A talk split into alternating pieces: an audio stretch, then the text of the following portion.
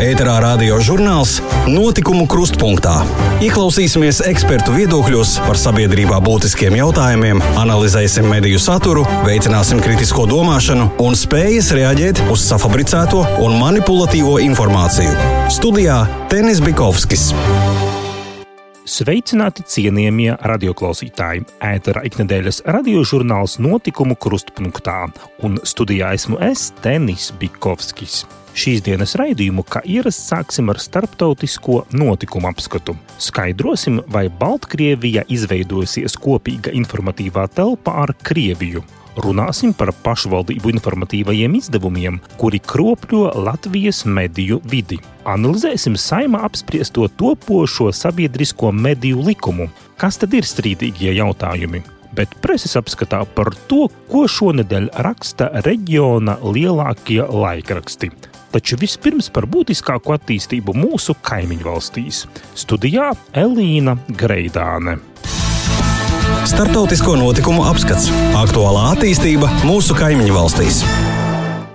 Portāls LSM informē, ka Minskas centrā opozīcijas gājiena laikā 11.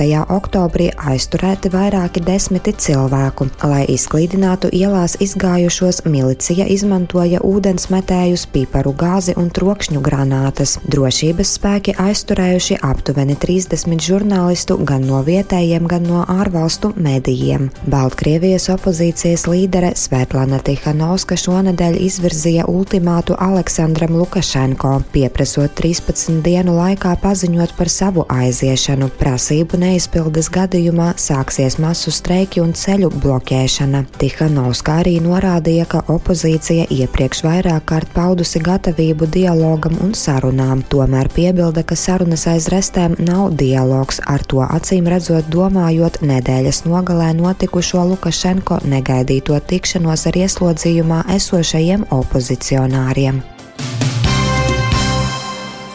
Lietuvas Seima vēlēšanā pirmajā kārtā visvairāk balsu iegūsi opozīcijā esošā konservatīvā partija Tēvzemes Savienība Kristīgie demokrāti. Otrajā vietā ierindojušies pašreiz valdošā Zaļo un Zemnieku savienība. Pašlaik vēl ir grūti spriest par iespējamām valdošās koalīcijas aprisēm, jo vēlēšanu otrajā kārtā 25. oktobrī izraudzīsies vēl gandrīz pusi no visiem Seima locekļiem. Kalnu Karabahā šonadēļ turpinājās smagas kaujas starp armēņu spēkiem un Azerbaidžānas armiju, abām pusēm vienai otru apsūdzot pamiera pārkāpšanā. Kalnu Karabahas varas iestādes ziņo, ka kopš kaujas sākšanās septembra beigās bojā gājušo iedzīvotāju skaits pieaudzis līdz 31, bet kritušo karavīru skaits sasniedzis 525.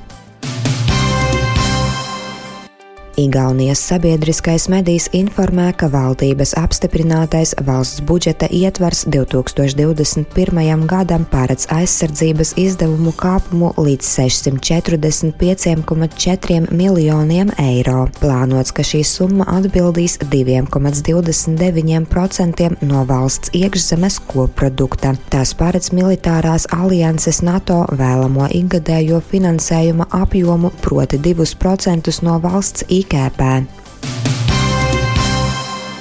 Lietuvā izveidots uzņēmējdarbības atbalsta fonds, no kura vidējiem un lieliem uzņēmumiem, kuri cietuši jaunā koronavīrusa krīzē, būs pieejams kopumā 1 miljardu eiro liels finansējums. Fonda mērķi ir atbalstīt tās nozares, ko uzskata par sevišķi svarīgām valsts ekonomikai, un palīdzēt uzņēmumiem sagatavoties atgūties no krīzes.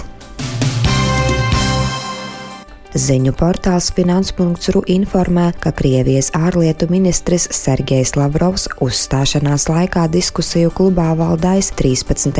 oktobrī paziņoja, ka Eiropas Savienības līderi dialogā ar Krieviju neizrādot pietiekošu cieņu. Lavrovs klātesošajiem norādīja, ka tie cilvēki, kuri rietumos atbild par ārpolitiku, nesaprot nepieciešamību uzturēt dialogu ar Krieviju savstarpējas cieņas gaisotnē un piebilda, ka acīm redzot, Krievijai nāksies uz kādu laiku pārtraukt kontaktēties ar Eiropas Savienības līderiem. Kā informē portāls finans.ru, Lavrova sašutumu izraisījis bijušās Vācijas aizsardzības ministres un pašreizējās Eiropas komisijas prezidentes Urzulas Fonderlejenas paziņojums, ka ar pašreizējo Krievijas valdību ģeopolitiskā partnerība nav iespējama. Finans.ru norāda, ka par iemeslu šādai Eiropas Savienības līderu nostājai pret Kremli ir Krievijas opozicionāra Alekseja Navaļnie saindēšana, izmantojot aizliegto kaujas ķīmisko vielu Novičok, kā arī gaidamās ASV valdības sankcijas, kuras tiekot gatavotas balstoties uz ziņojumu par Krievijas prezidenta Putina un viņa pietuvināto personu nelikumīgi iegūtajām bagātībām.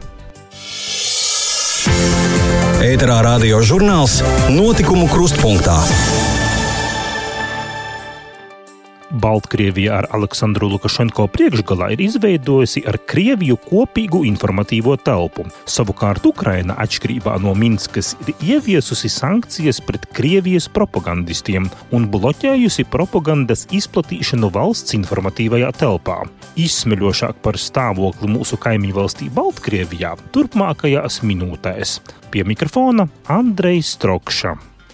Jau 2014. gadā, decembrī, Baltkrievijā darbu Krievu, pēc tam arī Baltkrievu valodā uzsāka Kremļa propagandas multimediju portāls un radio Sputnik Baltkrievijā. Kā toreiz pavēstīja tā vadītājs Andrejs Kačura, Sputnik Baltkrievijā strādās tikai vietējie speciālisti un profesionāli žurnālisti ar darba stāžu ne mazāk kā desmit gadi.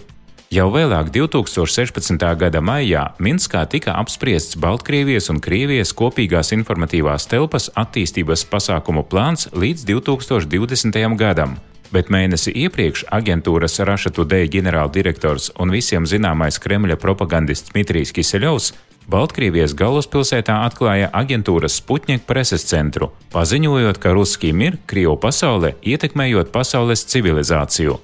Savukārt Baltkrievijas informācijas ministre Lilija Ananiča novēlēja kopīgam Sputnik projektam strādāt Baltkrievijas un Krievijas labā.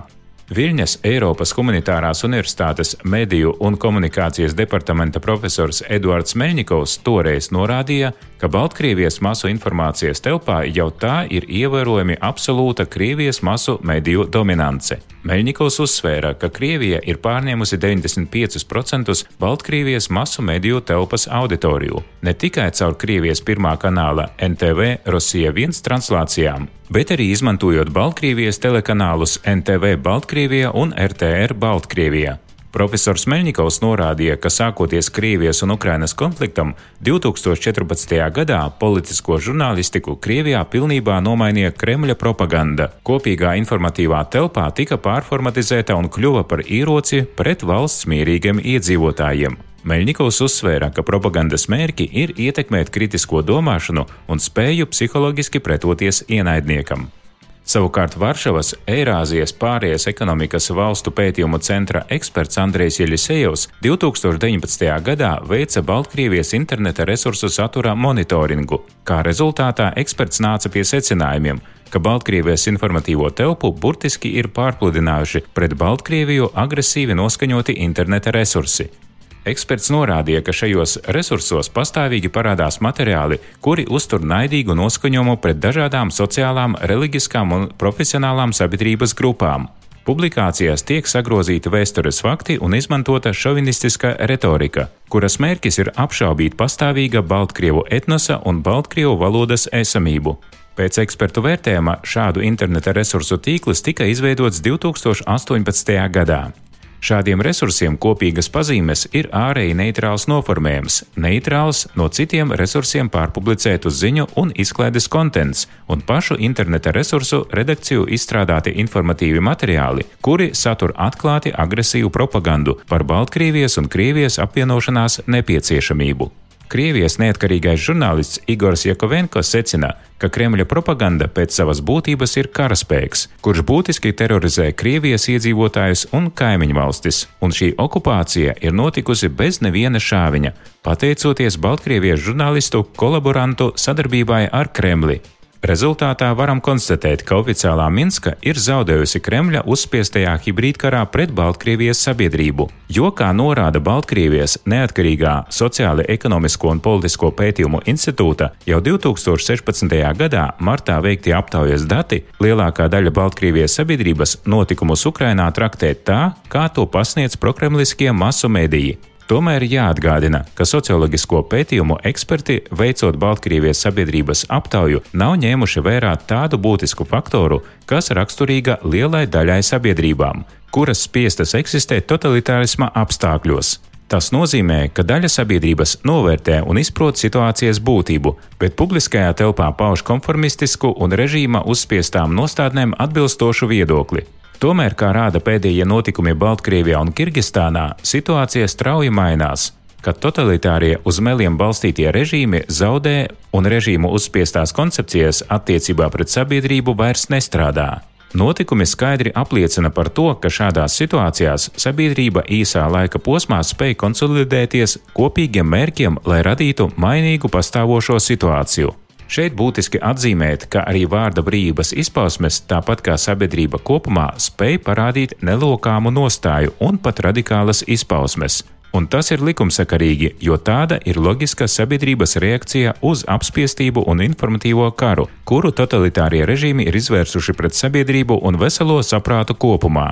Jāņem vērā, ka viens no galvenajiem publisko brīvību pastāvēšanas pamatiem valstī, kā arī demokrātiskās sabiedrības attīstības konceptiem, ir tieši vārda brīvība. Ēterā radio žurnāls Notikumu krustpunktā. Ieklausīsimies ekspertu viedokļos par sabiedrībā būtiskiem jautājumiem, analizēsim mediju saturu, veicināsim kritisko domāšanu un spējas reaģēt uz safabricēto un manipulatīvo informāciju.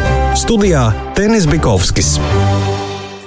Raidījuma turpinājumā runāšu par pašvaldības informatīvajiem izdevumiem, kuri kropļo Latvijas mediju vidi. Pašvaldību informatīvie izdevumi ļoti bieži imitē neatkarīgu presi un kropļo mediju telpu. Šie izdevumi tiek izdoti par nodokļu maksātāju naudu, bet ļoti bieži kalpo par ruporu un reklamēšanās vietu novadu vadībai. Pirms nedēļas saimā pieņēma grozījumus likumā par pašvaldībām, kas paredz, ka turpmāk informatīvo izdevumu pašvaldība varēs izdot ne biežāk kā reizi mēnesī, kā arī tos nedrīkstēs pārdot. Tomēr Latvijā ir arī tādi novadi, kuri šos izdevumus pat tirgo. Informatīvo izdevumu joma joprojām nav sakārtota, un pašvaldību vadība šajos izdevumos nereti publicē tikai sev vēlamu informāciju. Informatīvie izdevumi ir paredzēti pašvaldībā pieņemto lēmumu izskaidrošanai sabiedrībā, bet šajos izdevumos nereti var atrast rakstus ar sabiedrībā zināmiem māksliniekiem, pašvaldības vadības partijas biedru publikācijas par mākslu, kā arī slavinošus rakstus par pašvaldībai pietuvinātu cilvēku sasniegumiem. Piemēram, Ilūkstes novada informatīvā izdevuma 2020. gada 31. augusta numurā sadaļā Novada lauksaimnieks ir intervija ar nosaukumu Būt lauksaimniekam ir tāpat kā mūziķim, jābūt ar kērienu un vēlmi darīt no sirds. Šī raksta autora ir Ilūkstes novada pašvaldības sabiedrisko attiecību speciāliste Aija Piļka, un intervējamais novada lauksaimnieks ir neviens cits kā Ilūkstes novada domes priekšsēdētāja vietnieks Maigurs Krievāns. Te jāpiebilst, ka novadā, protams, ir arī citi lauksaimnieki, bet novada doma nekautrējas šajā izdevumā slavināt tieši sava novada domes vadītāja vietnieku. Jāpiezīmē, ka Ilūgstes novads šo informatīvo izdevumu arī pārdot. Un šīs pašvaldības izdevums par 14 centiem ir nopērkams Ilūgstes lielveikalā. Pats Maigurs Krievāns šādā rīcībā neko sliktu nesaskata. Pirmkārt, es saku to, ka ir vajadzīga šis pašvaldības izdevums vienkārši, lai informētu iedzīvotājus par to, kas notiek tieši mūsu novadā. Ļoti daudz cilvēku tiešām grib saņemt papīra formātā. Šis informatīvais izdevums mums nav bezmaksas. Ļoti daudzās pašvaldībās es zinu, ka viņi vienkārši dala iedzīvotājiem pastkastēs. Mums viņš ir maksas Pamainījās mums arī redaktore, un es uzskatu, ka viņš kļuva saturiski ļoti daudz labāks. Arī cilvēki ļoti labprāt lasa šīs intervijas ar saviem novadniekiem, kas kaut ko sasnieguši, dalās savos viedokļos. Viņi redz arī tālāk aktualitātes, kas notiks, kas ir bijis. Viņi var arī savu viedokli paust, ko viņi vēlētos šeit redzēt, kas principā nebūtu iespējams tādā lielākā izdevumā, Un tāpēc es uzskatu, ka ir ļoti svarīgi sagat, saglabāt, jo, ja runājām par reklāmām un visu pārējo, un kāpēc mūsu novada teiksim, zemnieks nevarētu vai amatnieks tur ievietot savu reklāmu, jo tas viss ir maksas. Un šajā vizītē arī ir maksas. Un es uzskatu, ka nekas tur nedublējas. Kā saka, tiek dublēts, un līdz ar to žurnālistiem viņiem tas nākamais nav interesanti. Nē, es tam tādam viedoklim nekad negribētu piekrist. Kāpēc jums šis izdevums ir maksas? Jo tomēr šis likums par šiem pašvaldību izdevumiem saka, ka šā informācija, ja pašvaldība tādu izdod, ka šim informatīvajam izdevumam būtu jābūt bez maksas. Kāpēc jums tika domē pieņemts tāds lēmums, ka viņš ir maksas? Es zinu, ka savā laikā mums par to bija aizrādījusi arī Kādreiz tas bija ļoti sen, kad viņš bija bez maksas, bet bija arī aizrādījumi no valsts kontrolas, ka tomēr tie ir līdzekļi, jo viņš arī tiek mums tirgots. Mūsu vietējos veikalos var iegādāties. Ja? Un, ja mēs teiksim, izmantotu pasta pakalpojumus, tad jebkurā gadījumā mums par to vajadzētu maksāt. Un tā interpretācija ir tāda, teiksim, ka it kā lobēt savas intereses. Nu, politiskās arī varētu teikt, ka bez maksas dala, un tāpēc šis mums ir maksas, lai nevarētu mums teikt, ka jūs tur savu viedokli bez maksas pasniedzat un lobējat it kā savas intereses. Tāpēc mēs esam pilnīgi, var teikt, caurspīdīgi, un šis informatīvais materiāls ir pie mums par maksu. Liela pārmetumi no, no žurnālistiem, no žurnālistu asociācijas, no žurnālistu cimtas ir tāda, ka šie pašvaldību izdevumi kropļo tirgu un liedz neatkarīgi neatkarīgiem izdevumiem, neatkarīgiem laikrakstiem strādāt šajos apstākļos. Ko jūs par tiem pārmetumiem varat teikt? Nu, es domāju, ka mēs pilnīgi viņiem netraucējam. Ja? Jo, kā jau teicu, pirmkārt, pats galvenais jau kas ir. Tas jau ir saturs, ko mēs pasniedzam saviem iedzīvotājiem. Ja? Un, ja šis saturs dublētos, ja teiksim, pateiktu, ka viņi arī gribēja tādu informāciju sniegt, bet mēs pasniedzām pirmie, līdz ar to viņu jau izdevums nav interesants un žurnālista darbs ir par velti ieguldīts un tā tālāk. Ja paskatāmies detalizēti mūsu šo avīzi, ja, tur nekas nedublējas ar to, un līdz ar to tādiem pārmetumiem es uzskatu nebūtu vieta. Tomēr nesen nodibinātās Reģionālos mediju asociācijas valdes loceklei, žurnālistei Eģitei Terēzei Jonānei, šādi pārmetumi ir. Tāpēc jau mēs izveidojam asociāciju, lai vispirmām kārtām jau būtu pretspārs e, šiem pašvaldību izdevumiem. Pašvaldību izdevumiem nav jābūt. Tur ir vairāk iemeslu, kāpēc es tā uzskatu, un kāpēc arī asociācija iestājas par to, ka viņiem nav jābūt. Pirmais, e, pašvaldības izdevumi kropļo vispār e, sapratni par to, kas ir žurnālistika, kas ir mēdījis un kādā veidā. Proti, ja visu laiku pašvaldības izdevums reizi mēnesī, vai ir daži, kas, kas vairākas reizes mēnesī iznāk, katrā mājasaimniecībā saka, ka domas priekšsēdētājs ir at, atklājis to, domas priekšsēdētājs ir atbalstījis to, domas priekšsēdētājs ir um, samaksājis par to. Viņiem rodas tāda sajūta, ka tas domas priekšsēdētājs faktiski ir tas kungs un ķēniņš, kurš uh, ar pašvaldības naudu darās kā grib. Un, un, un viņš dara tikai labas lietas, bet iedzīvotājiem pazūd tas reālais skats uz dzīvi. Viņi vairs neredz reālo dzīvi, ka tā iela varbūt nav nav labā stāvoklī, ka tas ceļš jau sen pludo un ka viņam tur vajadzētu entos tūkstošus, bet uh, tā pašā laikā pašvaldības vadītājs let ekrānu nopērk, lai visi redzētu kultūras namā, kā notiek zemnieku balle vai ne. Nu, tie, tie absurdi, jā, tā publikācija, kas ir pašvaldību izdevumā, atpaliek galīgi atpaliek no reālās situācijas, no reālās dzīves, no reālās ainas.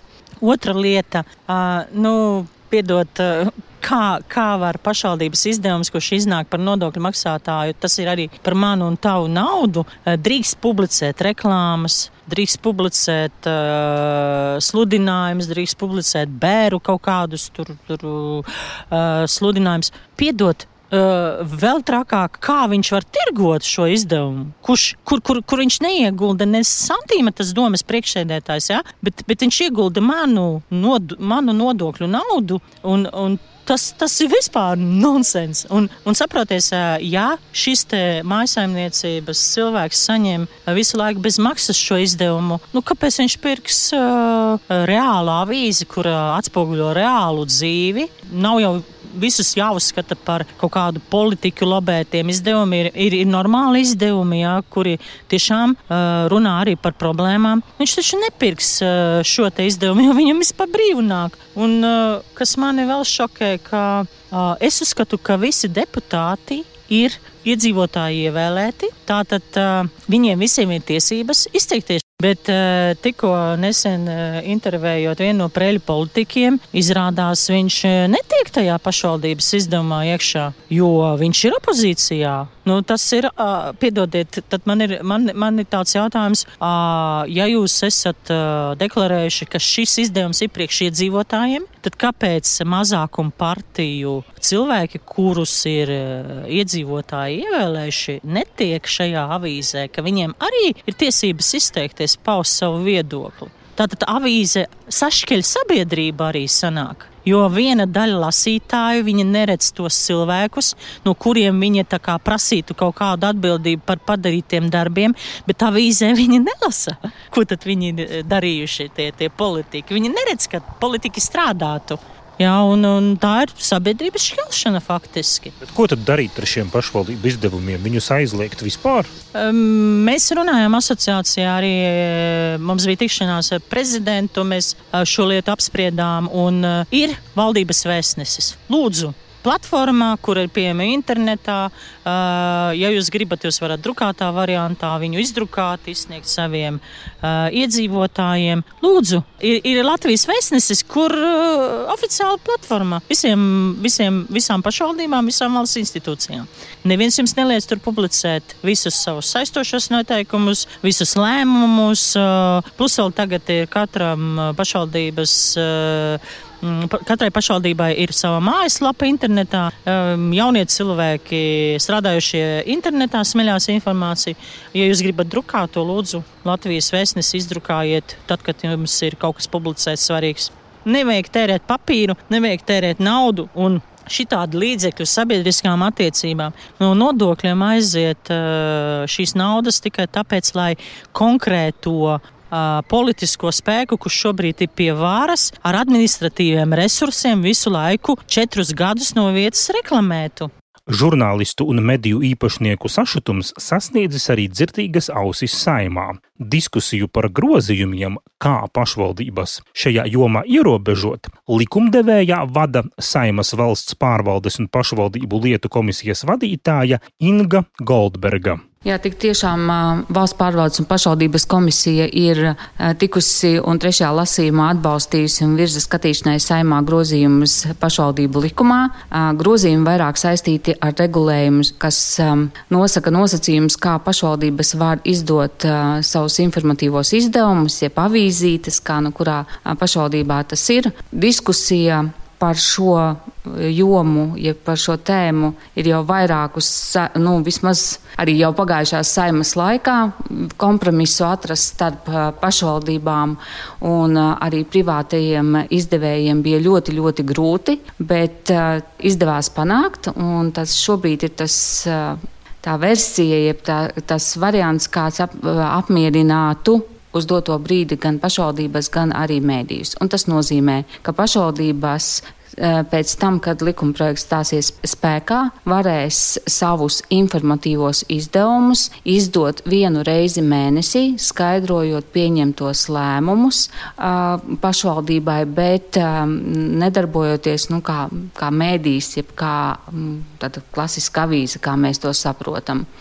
Grozījumi paredz, ka varēs izdot varbūt arī kādu papildus iz, izdevumu, bet tas varētu būt saistīts tikai tad, ja pašvaldība pieņem jaunus saistošos noteikumus.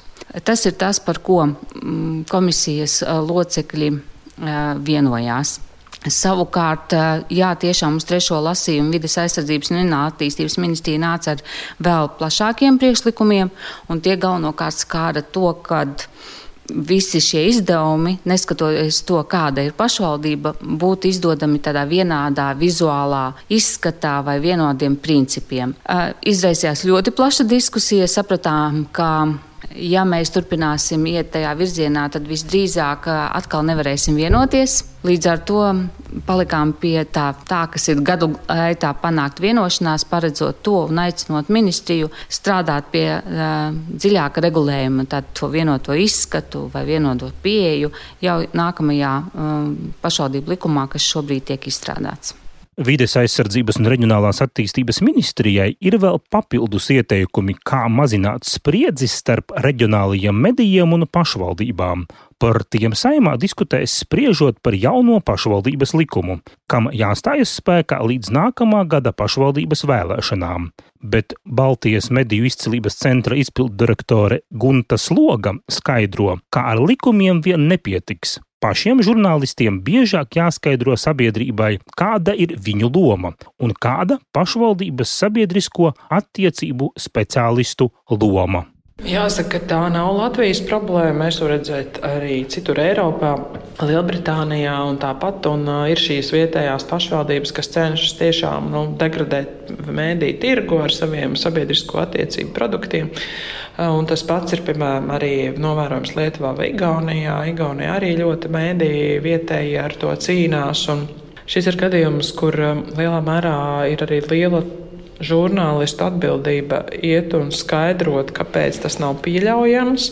Man liekas, ka tas tomēr, lai arī Latvijā joprojām ir dažādi veidi, kā šīs pašvaldības mēģina, tomēr tie likumi, kas tika arī pieņemti, lai ierobežotu šo izdevumu skaitu un tā tālāk, nu, tas ir būtisks jau solis uz priekšu. Un, un skaidrs, ja šādus soļus eh, spērtu vēl vairāk, kļūtu tikai, nu, teiksim, eh, labāk Un, uh, un, uh, un, jā, bet tā nav tikai Latvijas tendence. Tā ir tiešām tāda vispārēja tendence, kas, protams, atkal iet roku rokā ar visu šo digitālo vidi, kur jebkurai pašvaldībai ir ļoti viegli, un tad viņi vēl uzliek ļoti tādus maldinošus virsrakstus um, tiem saviem pseido izdevumiem, jeb izdevumu izstrādājumiem, kas vispār sasaucas ar vietējās avīzes vai vietējās radiostacijas nosaukumu. Un, un te ir, protams, atkal atkal mēs atgriežamies pie klasiskā jautājuma par iedzīvotāju sabiedrības izpratni par to, kas ir mēdījis un kas ir neatkarīgs mēdījis, jo, diemžēl, cilvēkiem nav. Un tad vēl, ja tā pašvaldība vēl piedāvā to savu izdevumu pa brīvu, nu kāpēc viņam maksāt? Mhm. Tā kā šī, šī ir tāda vispārēja šī brīža liela problēma. Ņemot vērā to, cik spēcīgs ir pašvaldību lobbyis arī nu, teiksim, valsts institūcijās un arī valdībā, parlamentā, tad eh, es teikšu tā, ka jebkurš solis, ko mēs panākam, eh, kā mēdīju, no sabiedrība mēdīju vidi, kā viņi tiek ierobežoti, tad tas ir labs. Un, un pat ja tiek uzlikts šāds rāmis, nu, tas jau ir tāds, es jau teicu, tāds viens solis. Ēterā radio žurnāls Notikumu krustpunktā. Raidījuma notikumu kruspunktā turpinājumā dosimies uz Jēkaba ielu Rīgā. Atbildīgā saimas komisija šonadēļ pabeigusi darbu pie jaunā sabiedrisko mediju likuma. Likumprojekts krasi atšķiras no tām iecerēm, kādas bija pirmajā stadijā, pirms pieciem gadiem, kad bija paredzēts, ka sabiedriskā medija padomē būs plaša sabiedrības pārstāvniecība. Tajā sevi pārstāvji būtu katrai no piecām lielākajām saimas frakcijām - valsts prezidentam, pašvaldību savienībai, zinātņu akadēmijai, tiesību sargam. Pa vienam pārstāvim būtu arī katoļu, luterāņu un pareizticīgo konfesijām. No šīs ieceres, kas ir līdzīga daudzās Eiropas valstīs, nekas daudz palicis pāri nav. Taču šķēpi tiek klausti arī par citiem punktiem. Turpina Andrejs Strokša. Mediju pratības sadaļa - kas ir kas? Kā atpazīt viltus ziņu? Vai mēs dzīvojam divās informācijas telpās? Kas ir maigā vara? Kas ir propaganda un dezinformācija? Kā atpazīt maldinošas fotogrāfijas un video? Kas ir sabiedriskais pasūtījums? Vai sociālajos tīklos drīkst ievietot fotoattēlus bez saskaņošanas ar autoru? Strīdīgākais jautājums Saimas cilvēktiesību komisijā bija par to, kas iecels Latvijas radio un Latvijas televīzijas galvenos redaktorus. Valsts prezidenta padomniece Sarmīta Ēlerte uzskata, ka tieši padome visvairāk pārstāv sabiedrības intereses. Tāpēc galvenajam redaktoram būt pakļautam Latvijas radio vai TV valdē šķiet pilnīgi neloģiski. Bet pretējā nometnē, tā skaitā sabiedrisko mediju vadība, uzskata, ka veidosies divvadība, un tas var apdraudēt mediju redakcionālo neatkarību. Šo viedokli atbalsta trīs politisko spēku - ZZS, attīstībai pār un saskaņas Saimas cilvēktiesību komisijā pārstāvētie deputāti. Tātad izšķiršanās galīgajā lasījumā būs jāizdara visai saimai. Jāpaskaidro arī, ka jau iepriekš Vitas Tēraudas vadītā saimas apakškomisijā noraidīja latgaliešu sabiedrisko organizāciju ieteikumus iekļaut punktu, ka 10% satura LTV un Latvijas radio jānodrošina latgaliešu valodā, un to, ka Latgales sabiedriskās organizācijas varētu izvirzīt savu pārstāvi padomē. Kas attiecas uz padomes locekļu skaitu, tad tie būs tikai trīs cilvēki. Vienu deleģēs saima, otru valsts prezidents, trešo nevalstiskās organizācijas. Padomē būs jāizstrādā sabiedriskais pasūtījums.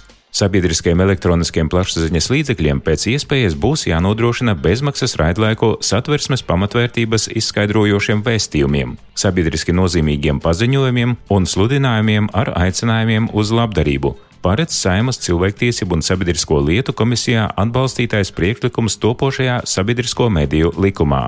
Arī valsts prezidenta Igila Levita padomnieks tiesību politikas jautājumos Jānis Pleps norādījis, ka ir ārkārtīgi būtiski, ka sabiedriskie mediji pilda sabiedrības izglītošanas funkciju par satversmes vērtībām, tajā skaitā cilvēktiesībām.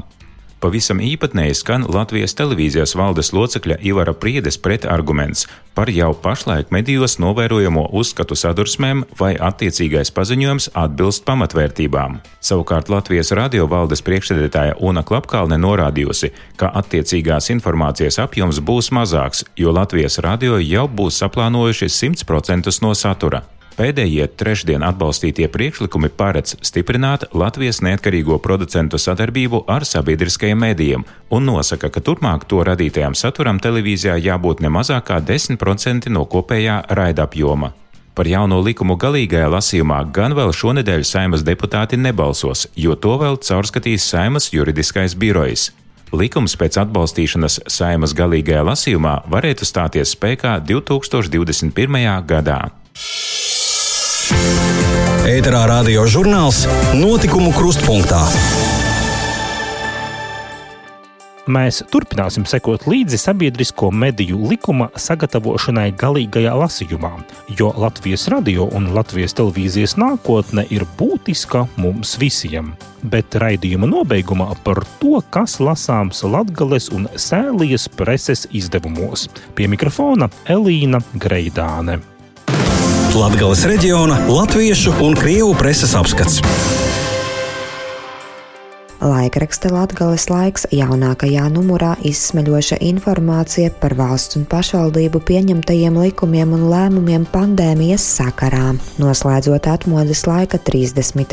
gada dienai veltīto rakstu sēriju, Latvijas laiks aicināja uz sarunu bijušo Latvijas Tautas frontes Daugopils nodaļas priekšsēdētāju Ēriku Dīdriksonu. Par to, kas mainījies pa šiem gadiem, viņš saka, joprojām ir cilvēki, kas nevēlas mācīties latviešu valodu valodu. Ir arī tādi, kas to vairs nav spējīgi izdarīt, bet jaunieši, kas šobrīd mācās skolās, arī ienākot veikalā, man sākumā saka labdien, pēc tam skatās acīs un runā tajā valodā, kurā runāju es.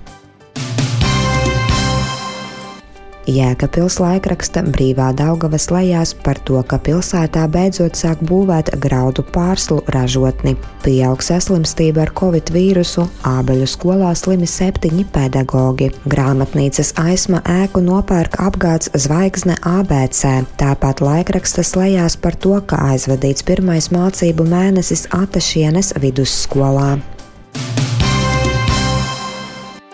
Šīs nedēļas vietējās Latgales avīzes numurā intervija ar Vārkavas novada domas priekšsēdētāju Anitu Brakovsku, kura uzskata, ka kamēr valsts līmenī neapstiprināsim katra cilvēka vajadzības, tikmēr varam reformēt visu, ko gribam, bet rezultāts būs viens - vajadzēs atkal kādu jaunu reformu. Mūzikas draugiem piedāvāta saruna ar grupas Skyforget dalībniekiem, kas 17. oktobrī kāps uz koncerta zāles Gors skatuves Rēzeknē.